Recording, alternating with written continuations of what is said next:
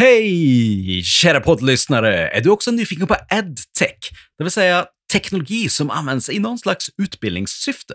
Det här är del ett av två där vi kikar på just det här området tillsammans med både en leverantör, det vill säga ett startup som heter StudyBee, och en implementat operatör, om man nu kallar det för det. Det vill säga någon som implementerar tekniska lösningar i vardagen. I det här fallet då inom offentlig sektor, i det här fallet en kommun och mer specifikt Arvika kommun. Och vi kommer här i del 1, som du lyssnar på just nu, att först träffa Johan Henriksson, VD för edtech-bolaget från Malmö som heter StudyBee och som även är ett av de första bolagen att få ta graduation från Compass acceleratorprogram inom digital hälsa och välfärd, Digital Well Ventures. Han berättar om sin syn på edtech-området just nu och hur de jobbar nära tillsammans med kunderna för att implementera StudyBee i svenska skolor. I nästa poddavsnitt, det vill säga del två som kommer efter det här, så träffar vi Mats Lindjedal som inte bara är en fantastisk klassisk saxofonist utan också IKT-strateg på Arvika kommun. Och tillsammans med pedagoger och ledare inom skolan jobbar de med att utveckla både verksamhet och pedagogik med digitala verktyg. Jag tycker det här blev två väldigt intressanta samtal, där jag från början faktiskt trodde att skillnaderna skulle vara lite större mellan den kanske då snabbrörliga startup-världen och ja, vad som anses mer traditionellt sett lite mer långsammare skolvärlden då. Men chi fick jag. Jättekul att höra både likheter och skillnader från de här två världarna, tycker jag. Jag heter förresten Stefan Skoglund och det här är Be Digital-podden, en podd för dig som är ledare, entreprenör och människa i en allt mer digital värld. Och som presenteras av Stiftelsen Compare och Digital Well Arena i Värmland. Nu lämnar vi över till intervjun med Johan, som får presentera sig själv. Let's go!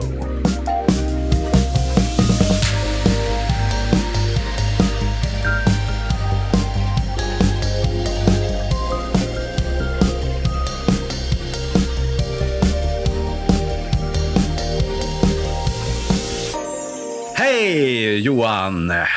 Välkommen till Bidigital-podden! Hej Stefan! Tack så mycket! Vad kul att ha dig här. Så berätta först lite kort så här, vem är du egentligen då? Eh, vem är jag? Jag heter Johan Henriksson. Eh, jag är VD för ett edtech-bolag som heter StudyBee. För de som inte känner till StudyBee då, vad, vad är det i korthet och vilka är era kunder egentligen? Vi är ett edtech-bolag från eh, Malmö som tillverkar ett verktyg för grund-, gymnasie och vuxenskolan. Eh, både privata och kommunala sidan, friskolor och kommunala skolor. Ja, man kan ju nästan höra här att, att eh, ni är från eh, Malmöområdet om man säger så. Stämmer, stämmer. Vi får väl se om lyssnarna klarar av vår kombination av både värmländska och skånska. Här. Det blir exotiskt det här. Du är ju också engagerad i Jacknus Startup Studios, coolt namn. Eh, så, eh, vad, innebär det? Eh, det stämmer. Jacknus Startup Studio är en, en startup-studio där vi engagerar oss i tidiga startups och försöker bygga bolagen tillsammans med entreprenörerna. Jag brukar ibland likna det vid en gammal musikstudio. Så är du, är du soloartist så har vi väldigt duktiga studiomusiker. Är du ett band så behöver du inte dem utan då kan vi bidra med det andra som saknas istället. Då har vi en producent eller vad du nu kan tänkas sakna. Så vi, vi försöker bidra med de bitarna som, som behövs. Coolt, verkligen. Och idag har vi ju fokus just kring det som heter edtech. Då. Um, och du sa ju just att StudyBee var ett edtech-företag. Så vad skulle du säga, vad, vad är definitionen av edtech egentligen? Eh, definitionen av edtech det är ju eh, det är teknik eh, som är till för att stötta i eh, utbildningssyfte, educational technology. Eh, kan ju vara ganska brett, eh, handlar inte sällan om, om eh, om läromedel och den sidan. Men eh, i vårt fall så fokuserar vi mer på, på eh, processen och stödet för de som arbetar i skolan och inte minst de som går i skolan. Vad har hänt de senaste åren just kring digitaliseringen inom skolan skulle du säga? Oj, det har hänt jättemycket. Det har det gjort, inte minst såklart i spåret av, av pandemin som har, som har eh, gått över världen här Eh, det har varit stora rörelser på gång redan innan. Eh, men, men de accelereras i någon mening av en sån här, eh, en sån här omställning. Eh, när, när skolor plötsligt har ställt om till att köra på distans och köra hybrid och, och eh, ja, alla möjliga omställningar som har ställt jättestora krav. När man tittar på den svenska marknaden där man kom från en hyfsad teknisk mogenhet redan innan och internationellt sett stod långt fram eh, så har det varit lite spännande att se hur vi verkligen ser att den här omställningen har jag brukar säga att den har höjt golvet på den tekniska kompetensen. Så man kanske inte har tagit de där jättestora stegen i framkant, för där har man redan varit ganska långt fram. Däremot så har det höjt acceptansen eh, bland, bland de, de leden som, som, som, inte är de som går i bräschen för, för tekniska innovationer och, och teknisk eh, adaption. Utan jag vill förstår, för plötsligt har alla tvingats liksom förhålla sig till, till eh, videoundervisning och, och sådär. Eh, och det tror jag i slutändan har gjort att, att eh, man faktiskt har ökat både den tekniska mogenheten men kanske framförallt den tekniska öppenheten och viljan att, att jobba med en del digitala verktyg. Det har varit en, en ganska lång debatt kanske om, om vad digitalisering egentligen ska ha för roll i skolan. Och tidigare har diskussionen ibland handlat, handlat om antingen för eller emot digitalisering av skolan. Vilket är, ja, precis, du skrattar lite för att det kan man ju tycka sådär, men det där är en väldigt verklig, eh, väldigt verklig diskussion. Eh, som, ja. som har faktiskt väldigt verkliga skäl, där folk har Sverige har ju varit tidigt ute på den här första vågen av digitalisering i skolan. Och det finns någonting ibland som brukar prata om som en first mover disadvantage emellanåt. Att, att man, man har använt de där systemen eh, som kanske inte är byggda med användarvänlighet i centrum alla gånger. Eller man har väl gjort sitt bästa efter förutsättningarna. Men det finns gott om system i skolan eh, som ingen riktigt älskar och system som försöker göra allt men inte gör någonting riktigt, riktigt bra. Eh, och därför har det ju liksom växt en skepsis också mot det där man har hamnat i situationer där, där skolpersonal har tvingats lägga alldeles för mycket av sin tid på, på administration och att använda de här verktygen eh, och alldeles för lite på, på det faktiska, faktiska lärandet. Och det är väl klart att då byggs det upp ett sånt här motstånd. Det, det är oerhört naturligt. Eh, mm. Mm. Men där ser vi väl, och det tycker jag är väldigt glädjande, dels att man då som sagt höjer det här golvet för, för acceptans, att man inser att det är inte det är inte en fråga om för eller mot digitalisering utan hur använder vi digitala verktyg för att göra, göra lärandet och arbetssituationen bättre. Eh, det tycker jag är väldigt glädjande. Jag tycker också att det är väldigt glädjande att man från skolorna börjar ställa lite högre krav på sina, sina leverantörer. tycker jag verkligen att mm. man ska göra. Det finns ingen anledning att, att verktyg med en användarupplevelse och ett sätt att använda som du aldrig hade, hade accepterat som privatperson. Varför ska du, så går du till jobbet i skolan och så ska du tvingas göra liksom dubbel, ibland trippelarbete, skriva in samma sak på flera ställen och vet, ta fokus från det som spelar någon roll för att lägga tiden på att administrera IT-verktyg. Det, det är, mm. är ett väldigt, väldigt slöseri och det bygger väldigt mycket frustration. Eh, och det mm. tycker jag är väldigt glädjande att man börjar komma ifatt lite med med att ställa krav på sina leverantörer. Helt enkelt. Det förstår jag verkligen. Och man har ett kall kanske som lärare att man vill jobba med elever och människors utveckling. Verkligen. Och så får man sitta och administrera. Exakt. Och det är i kombination också med att ett av de stora problemen som finns i skolorna idag eh, är, är lärarbrist. Eh, att det inte kommer mm. gå ihop på sikt. Eh, att göra mer av samma. Och det finns nog, det är en väldigt komplex frågeställning som jag inte ska låtsas att jag kan reda ut här i vårt lilla samtal. Men en väldigt stor aspekt av det där är just att använda då Faktum är att många IT-miljöer idag gör det där problemet värre därför att man använder inte lärarnas kapacitet och lärarnas tid till det den kanske borde användas till. Eh, mm. Men en, en lösning eller en bidrag till en lösning på, på lärarbrist är ju definitivt att, att använda digitala verktyg som, som kan avlasta och stärka i de processer man gör. Eh, och det finns ganska många exempel på det, eh, där man, där man gör det och där man faktiskt sparar in tid.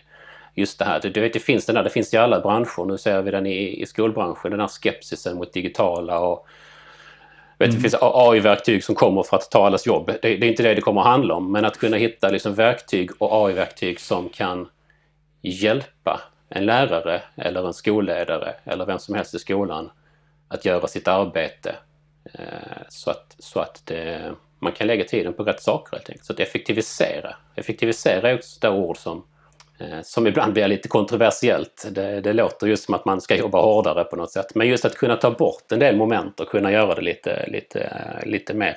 Jag pratar ju ofta inom, eh, inom eh, de här grejerna om att man ska, man ska ta bort the dull, dirty and dangerous.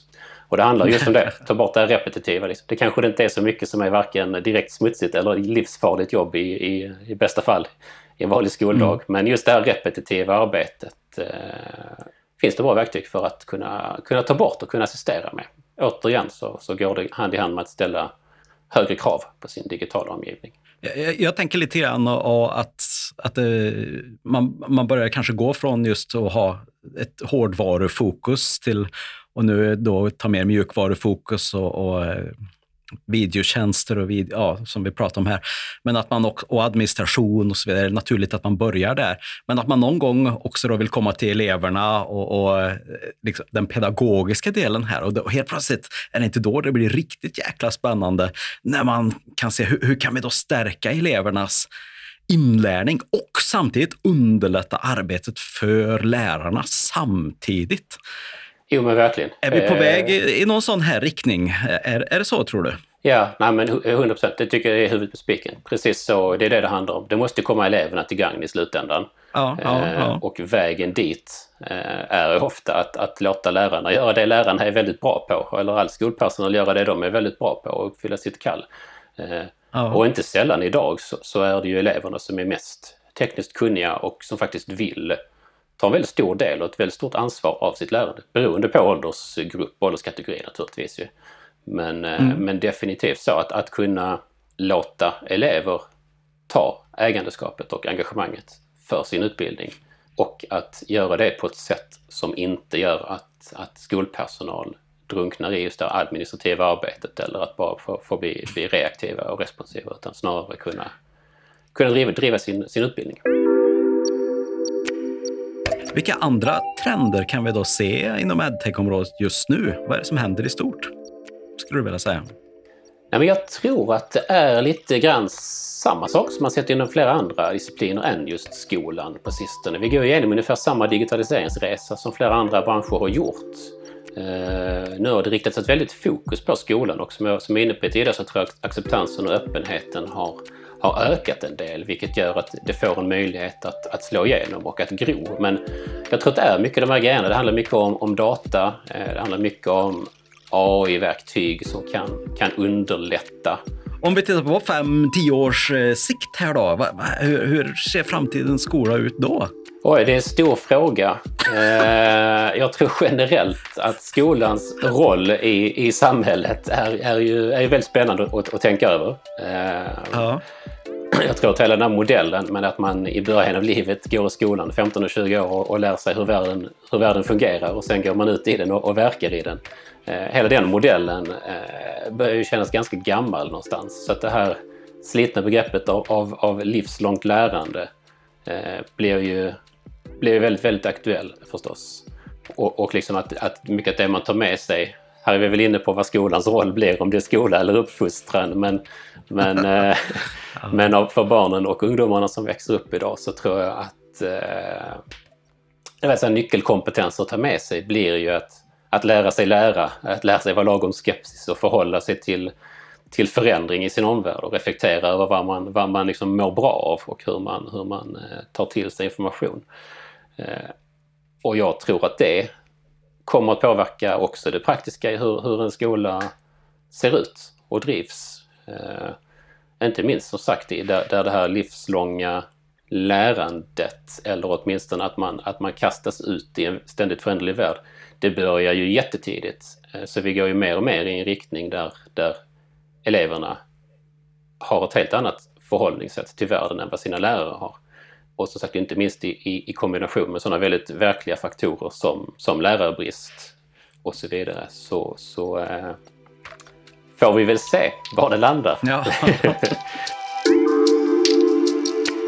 Rent personligt så är jag ju intresserad av VR som du kanske har mm. märkt när vi har pratat tidigare. När kan jag bara ta på mig mitt VR-headset eller glasögon och, och vara på plats i min skola? Eh, det kan du väl göra idag eh, om du vill, om din skola ställer upp på de premisserna. Eh, jag ja, tror att mycket av frågorna man bör ställa sig där är när, när vill man att du ska ta på dig ett VR-headset och vara med i skolan på det sättet? Ja. Jag tror definitivt att vi på, på sikt går i en riktning där både en arbetsplats och en skola och många andra miljöer blandas upp.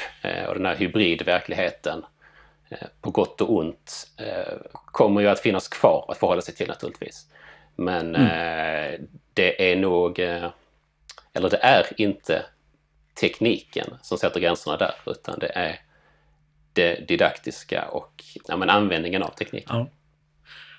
Verkligen. Och bara som ett exempel så äh, köpte jag för en hundring ungefär till mitt Oculus Quest och då en, en eh, app som heter Mondly, tror jag den heter, mm. med, med, där man kan lära sig språk. Jag tror man mm. ja, 22 språk eller någonting. Mm. Um, och där man hamnar i va olika vardagssituationer då, mm. eh, som man får hantera. Jag tyckte faktiskt det var jävligt eh, kul faktiskt. Eh, man, får, man, ja, man är här och så, och så får man, så lyssnar alltså eh, den här rösten då på hur du säger saker och ting. Och så får du hantera bokning av en eh, taxi till exempel. Mm.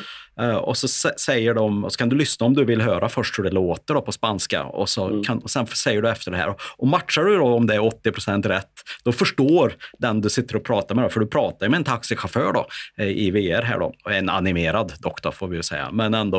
Mm. Eh, och så får man klara den här situationen av att boka en taxi till och taxin kör iväg. Mm.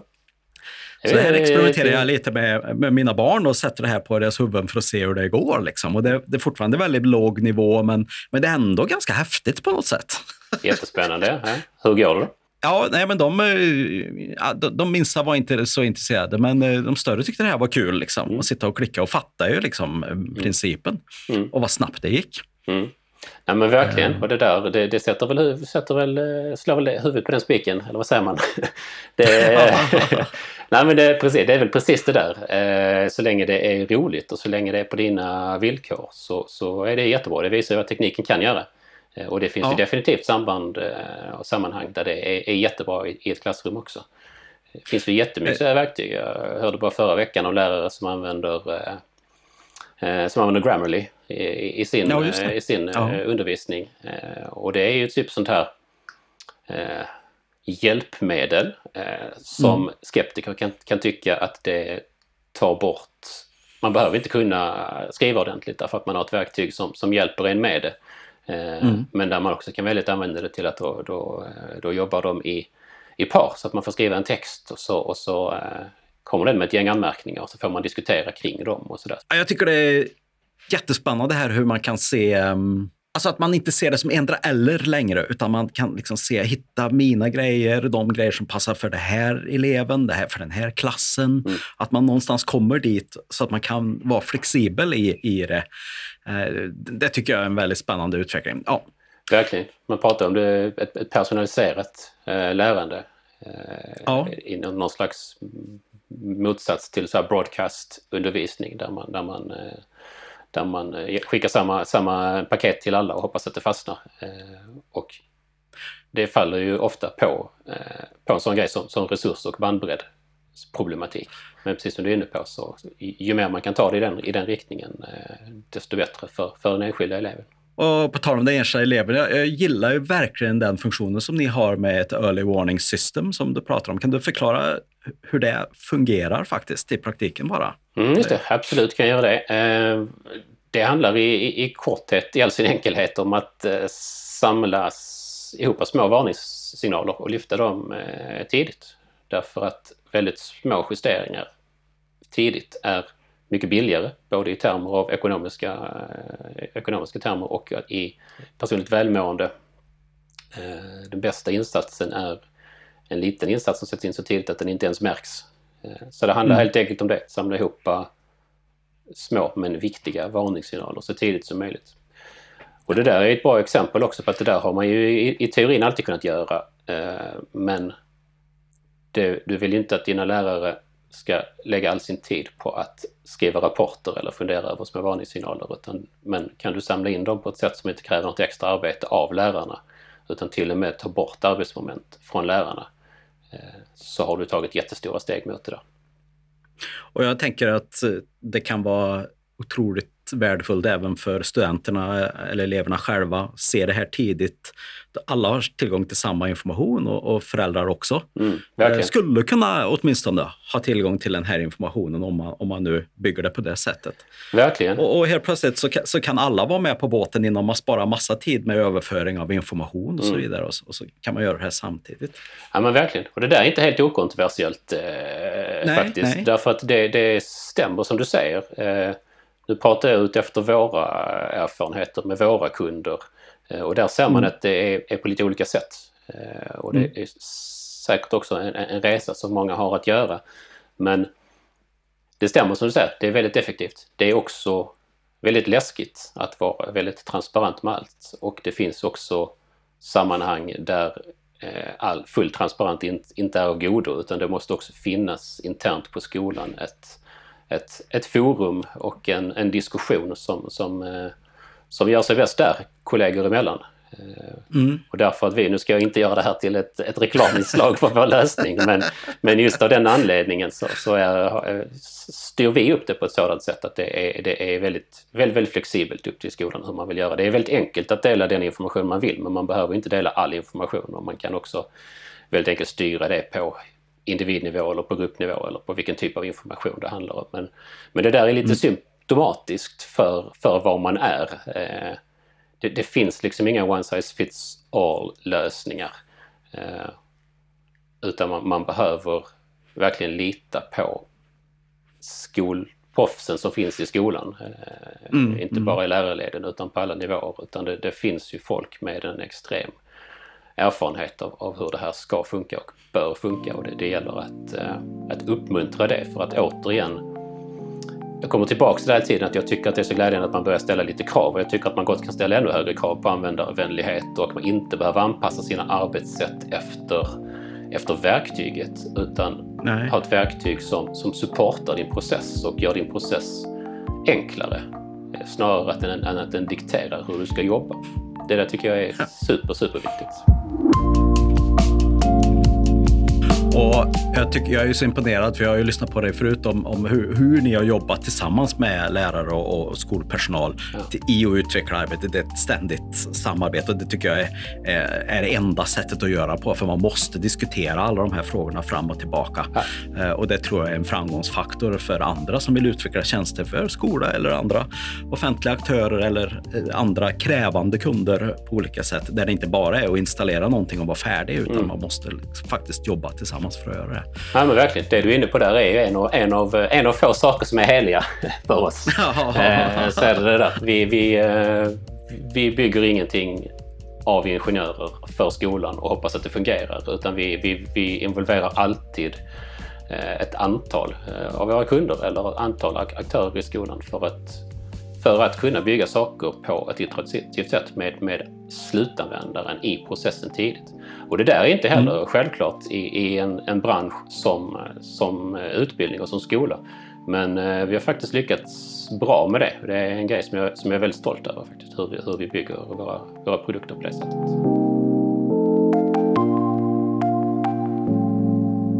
Hur är det då att driva ett startup så här. Eller nu skulle jag väl kanske kalla StudyBee för en scale-up snarare mm. då, rent definitionsmässigt eftersom ni har varit igång några år mm. och, och, och, har många kunder. Så ni är ju liksom inte bara eh, i ett tidigt skede utan ni är lite senare skede. Och, mm. Så att eh, in, inom just det här edtech-området, hur, hur, är, hur är det tycker du? Eh, hur är det? Det är eh, jätteroligt och jättehärligt och extremt utmanande. eh, ja, ja. Det är precis som du är inne på. Det, det dras ju med, med stämpeln att det är en lite långsam och lite trög bransch. Eh, och det, det går inte att uttrycka på ett annat sätt än att det definitivt är det. Eh, det, det varje bransch är unik på sitt sätt. Jag har verkat i, i många branscher. Eh, men visst är den speciell på det sättet att den är, den är ganska långsam. Eh, det ja. finns en inbyggd, men lite som vi var inne på tidigare, ganska så sund skepsis. Eh, ja. Vilket gör att det är inte så hemskt många sådana här overnight sensations som, som, som går in och tar över. Men jag tror att det, det finns en, som sagt en, en sund långsamhet i det där. Att man, man som sagt, det är inte, slutanvändarna är i, i, i snitt, det finns ju såklart ett väldigt brett spektrum, men i snitt så är det inte tekniskt eh, super framåtlutade slutanvändare eh, och det är, ska ju handla, handla i slutändan om om elever och deras lärande och deras eh, resa genom skolsystemet. Så att det, det är väldigt sunt att man inte blir för flaxig i det där och testar kanske för mycket grejer. Eh, men det bygger ju också med sig att ur, ur bolagsbyggarsynpunkt så gäller det ju att, att, ta hänsyn till det där förstås. Eh, att, att, att liksom, eh, ja, men kunna hantera, hantera den där. Det gäller ju att du bygger en, eh, liksom ett uthålligt förhållningssätt till det där och det gäller att du hittar sätt att snarare omfamna den där, det där sättet än att försöka, försöka jobba emot det. Så att säga. Vad har du för fler tips då till den som är nyfiken här då på att köra igång en startup som riktar sig till just offentlig sektor, då, inom hälsa eller skola eller andra välfärdstjänster och så vidare? Uh, har jag nämnt att jag tycker att man ska bygga användarvänliga verktyg som uh, slutanvändare vill använda? uh, den kommer tillbaka till hela tiden. Det är i slutändan A och O. Oavsett vilken bransch du ska gå in i, oavsett vad du, vad du ska bygga för någonting, så handlar det såklart om att göra nytta. det är det det ytterst handlar om. Mm. Sen är det som någon sa, EdTech is not for the faint-hearted och det ligger väl någonting i det. Men, men det är inget som inte går att hantera. Jag tycker inte man ska vara rädd för det. Uh, jag tycker att har man en bra idé så är det samma tips som inom oavsett bransch. Uh, validera den, ta hjälp, mm. investera så lite du kan så tidigt utan, utan liksom hitta hitta din marknad. Eh, all, alla klyschorna av hur du, hur du liksom tidigt validerar dina, dina hypoteser eh, på ett så billigt sätt som möjligt. Men försök gärna liksom tidigt hitta en, en eh, skola eller en person eller ett forum där det finns aktörer som tänker som du och som kan ge dig feedbacken och som kan testa och hjälpa dig utveckla om allting går bra så kanske du har dina första bra eh, vad heter på svenska, testimonials eh, där jaha, också. Jaha. För det är ju en bransch som bygger väldigt, i alla branscher, men eftersom det blir så långsamt så blir det ännu viktigare att ha bra, bra referenser helt enkelt. Eh, det, det, det, är som sagt, det, det, är inte i snitt den mest liksom, framåtlutade och, och eh, risktagande sektorn. Och så ska det vara. Men mm det gör att det blir eh, ännu viktigare att kunna visa att, eh, att det du bygger faktiskt fungerar och faktiskt löser ett problem. Avslutningsvis här, du är ju också engagerad i Jackness Startup Studios. Kan du, du berättade ju lite kort om vad ni gjorde här förut i början, men jag är nyfiken just kring, många pratar ju om Stockholm som någon slags globalt startup-center. Och hur är just ekomiljön i södra Sverige då, kanske primärt kring Malmö, Köpenhamn, så här. Tycker du? Mm. Berätta mm. lite. Eh, jättestark. Eh, finns unika förutsättningar med, med eh, kommunikation och med, med, med, tillgång till talang. Också en rimlig region att flytta till. Eh, det är som du säger ibland så blir diskussionen eller bevakningen kanske lite, lite vriden till, till huvudstadsregionen och sådär. Men mm. det finns en jättestark scen i och omkring södra Sverige och, och Malmö. Eh, det har väl tidigare upplevt kanske varit lite, lite öar med Malmö och Lund och Köpenhamn som lite, lite enskilda öar. Men eh, sista åren tycker jag att det har gått, gått mycket framåt. Det finns jättestarka initiativ som, som för det samman och vi ser många aktörer som etablerar sig i Malmö eller med omnejd och sådär också. Så att jag, det eh, finns väl fortfarande mer att göra men det finns jättebra initiativ som, som stärker det där och det är redan ett, ett väldigt speciellt ställe med väldigt speciella förutsättningar. Så jag, jag är väldigt glad att vi får, får ynnesten att verka här. Spännande och, och senaste året har du ju faktiskt smakat på det värmländska vad säger vi, startup-miljön och lite Oslo här. Vi jobbar ju Visst. väldigt gärna mot Norge och Osloområdet och så här. Så ja. Studeby är ju ett av de första bolagen som tog graduation då från eh, Digital Well Arenas uh, accelerator, Digital Ventures. Um, som ju, så, kort, vad, vad, säger du om hur, hur har den resan varit? Uh, den har varit jättegivande. Uh, vad har den varit nu? Ett och ett halvt år kanske någonting som vi har fått vara med i det där sammanhanget. Samma, sammanfaller ganska bra med, med pandemin så det har varit en väldigt speciell tid på väldigt många sätt. Mm. Men, ja, men ni, ni gör bra saker där. Det är kul att få, få vara en del av det där sammanhanget faktiskt och även kunna bidra lite grann tillbaka till det tror jag. Och så där. Så att jag, jag är glad, glad att vi har fått vara med i det sammanhanget. Superkul! Ja, vi är jätteglada att du har också valt att fortsätta vara mentor eh, inom eh, Digital Ventures. Det är vi jättetacksamma för, mm, för ja. vi vet att du har otroligt mycket att bjuda på, både med, kring edtech-området men även inom andra områden också. Superkul! Nu försöker du bara vara snäll, men det är roligt att få vara med. Det är väl aldrig fel att vara snäll? Nej, det är aldrig fel att vara snäll. om, om, man, om man menar sanningen, Nej. jag gjorde. Ja. Så att, ja. Tack. Tack så mycket. ja. Nej, det är roligt att få en mm. del av det. Okej, okay, jag, jag, måste ju också bara fråga just eh, vad är då din absoluta favoritapp eller webbtjänst som du älskar allra, allra mest? Eh, måste nog vara så tråkig och säga Trello. Får man säga det? Trello? Ja, Trello. Av alla, av alla sexiga tjänster och alla high-tech-grejer som finns där ute. Ja, jag tycker att Trello är... Jag har lärt mig att jag älskar Trello. Det har, det har inte varit en okomplicerad eh, kärlekssaga men jag gjorde ett aktivt försök för två år sedan tror jag att försöka älska Trello ja. och jag har fallit djupt i det där träsket. Det gäller mig, hjälper mig att styra upp, strukturera upp eh, saker i en kaotisk värld. Ja, jag, jag, förstår. Jag har eh, kollegor som också är långt ner i Trello-träsket ja, ja. Eh, och, jag, och, jag, är på väg rakt in i det ja. också. Det, det, är ju faktiskt fantastiskt bra. Så Ja, för er som inte känner till Trello. Ja, vi, kan ha, vi kan ha en annan podd där jag, där jag ger alla mina bästa Trello-tips för mina strukturer. Johans eh, Trello-tips-podd. Precis. Ja, ja. Om ni inte känner till eh, Trello här och lyssnarna så får ni googla detta och se eh, på detta magiska verktyg för effektivitet eh, i team och så vidare. Verkligen. Det fina är att det inte är så magiskt utan att det verkligen blir vad man gör av det. Det är det som jag tycker ja. är styrkan i det. Jag har använt betydligt ja. mer avancerade och betydligt mer lättviktiga system för ungefär motsvarande grejer. Men nu, nu är det genomgående i allt jag gör. Underbart. Tack så jättemycket Johan för att du ville vara med på den här intervjun om EdTech. Här. Tack så mycket. Tack. hej hej! Hej hej!